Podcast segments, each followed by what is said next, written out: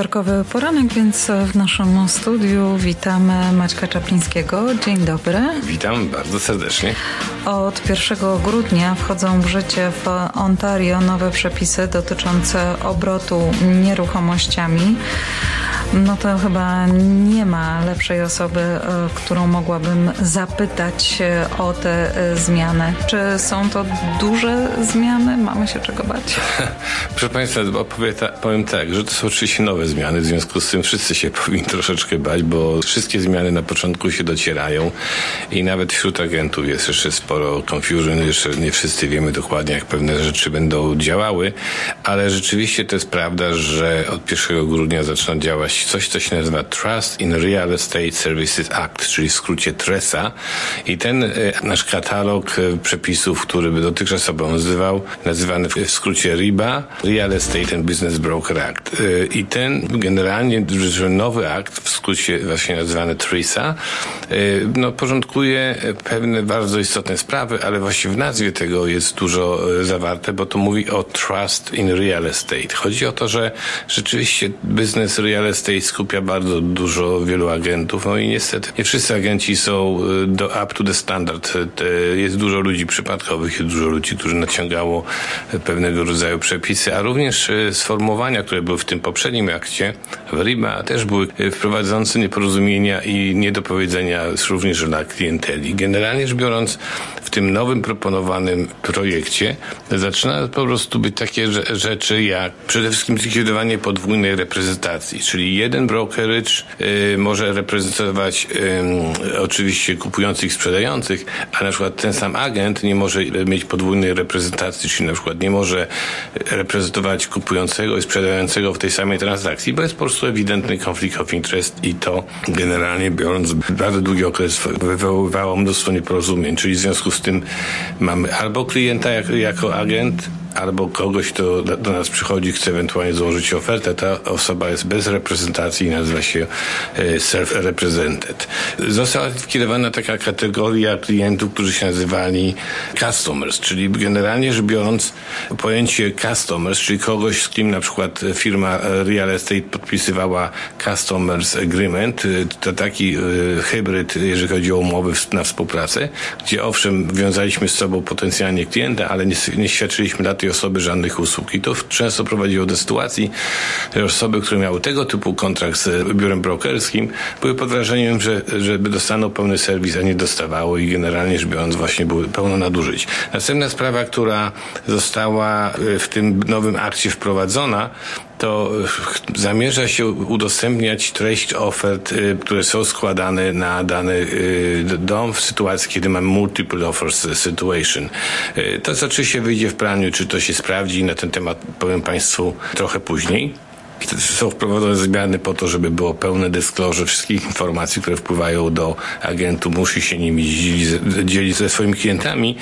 No i oczywiście są inne rzeczy, które już mnie dotyczą generalnej publiczności, czyli na przykład bardziej efektywne działanie RICO, e, przeprojektowany kodeks etyk e, i tak dalej. Zmiany w komitecie dyscyplinarnym RICO, czyli Real Estate Council of Ontario. Także generalnie rzecz biorąc tylko dwie czy trzy rzeczy tak naprawdę będą dotyczyły publiczności i państwa, natomiast dużo rzeczy zmienione w tym nowym regulacjach dotyczą samej organizacji y, wewnętrznych, dyscyplinarnych komity dla y, agentów real estate. Można powiedzieć, że cały ten akt i cały ten sens jest po to, żeby przekonać ludzi, potencjalnych klientów do tego, żeby współpracować z agentami real estate i podkreśla się właśnie, dlaczego posiadanie agenta real estate jest bardzo ważne i dlaczego na przykład bycie tak zwanym self-represented, czyli bez pomocy ze strony agenta jest, jest w pewnym sensie tak bardzo niebezpieczne. No, tak jak powiedziałem, jeszcze raz się wrócę, są dwie kategorie w tej chwili. Albo się współpracuje z firmą brokerską czy z agentem indywidualnym i wtedy nazywamy się formalnie klient czy klient, albo powiedzmy nie mamy reprezentacji i jesteśmy na własną rękę i w tym momencie e, Państwo musicie sami zdawać sobie sprawę z ryzyka pr pracowania bez poparcia od strony prawnej, od strony jakichś porad i tak dalej, i tak dalej, i tak dalej.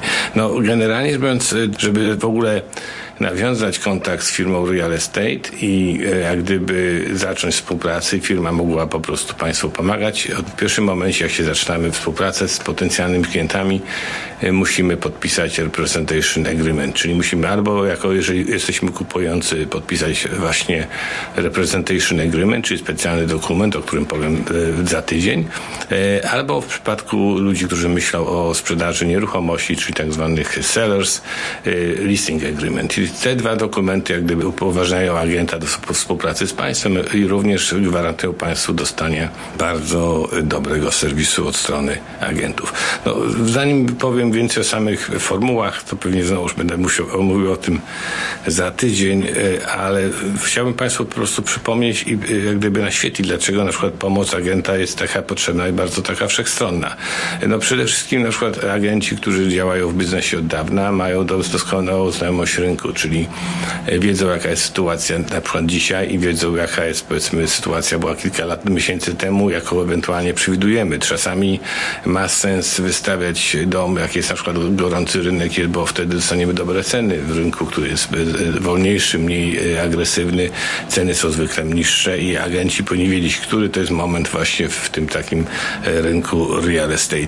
No oczywiście kwestia reklamy, wprowadzenia na rynek nieruchomości, to jest, mamy do dyspozycji MLS-y, mamy do dyspozycji współpracę z innymi agentami. Tutaj jest ogromna e, siła, dlaczego agenci mają taki dobry sukces w sprzedaży nieruchomości. Jako agenci możemy polecać naszych klientów, którzy są klientami, różnych profesjonalistów, rekomendować prawników, firmy robiące zdjęcia, y, przygotowywać virtual tour i tak dalej, i tak dalej.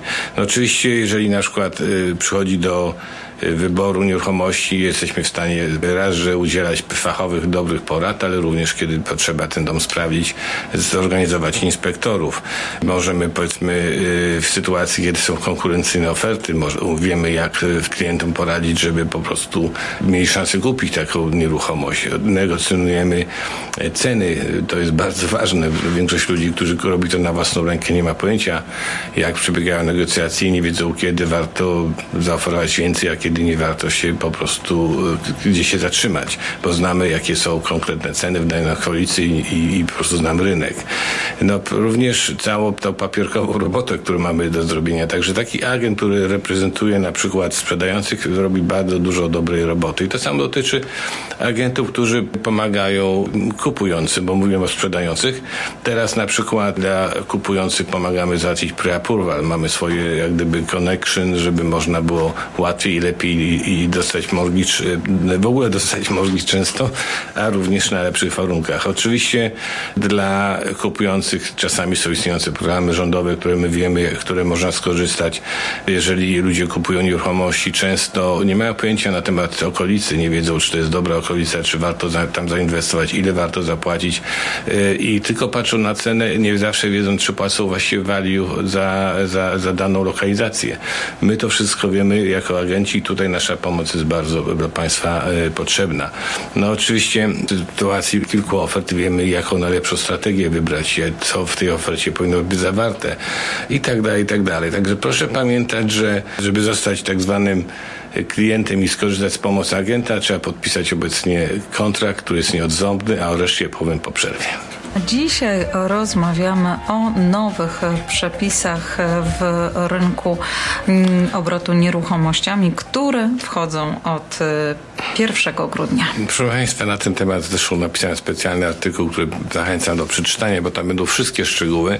To będzie oczywiście w, w naszych wszystkich gazetach, wiadomościach, w życiu, w, w końcu, ale dzisiaj tak daję takie highlights. Również mówiłem tak dużo o tym, że o podpisaniu kontraktu z firmą brokerską, że to jest bardzo w tej chwili wymagane i wręcz konieczne, jeżeli chcemy dostać własny serwis, właściwy serwis. I to jest też tak, że to nie tylko z agentem Państwo podpisujecie kontrakt. W tym momencie, kiedy podpisuje ktoś representation agreement albo listing e, agreement, to w tym momencie dostajecie Państwo nie tylko pomoc od tego jednego agenta, ale od całego brokerage'u, czyli cały brokerage jest do, brokerage, czy firma brokerska, agencja jest do Państwa dyspozycji i oczywiście ona, ta firma gwarantuje lojalność, e, disclosure, czyli ujawnienie faktów, zachowanie poufności, e, unikanie konfliktów interesów, czyli macie Państwo cały sztab ludzi pracujących dla Was. Natomiast właśnie w kontraście do tego, co mówimy i o czym dlaczego y, tak bardzo się w tym nowym akcie podkreśla, bardzo podkreśla się znaczenie, żeby y, współpracować z firmą bro, brokerską, bo mamy wtedy pełny serwis i nazywamy się klientami,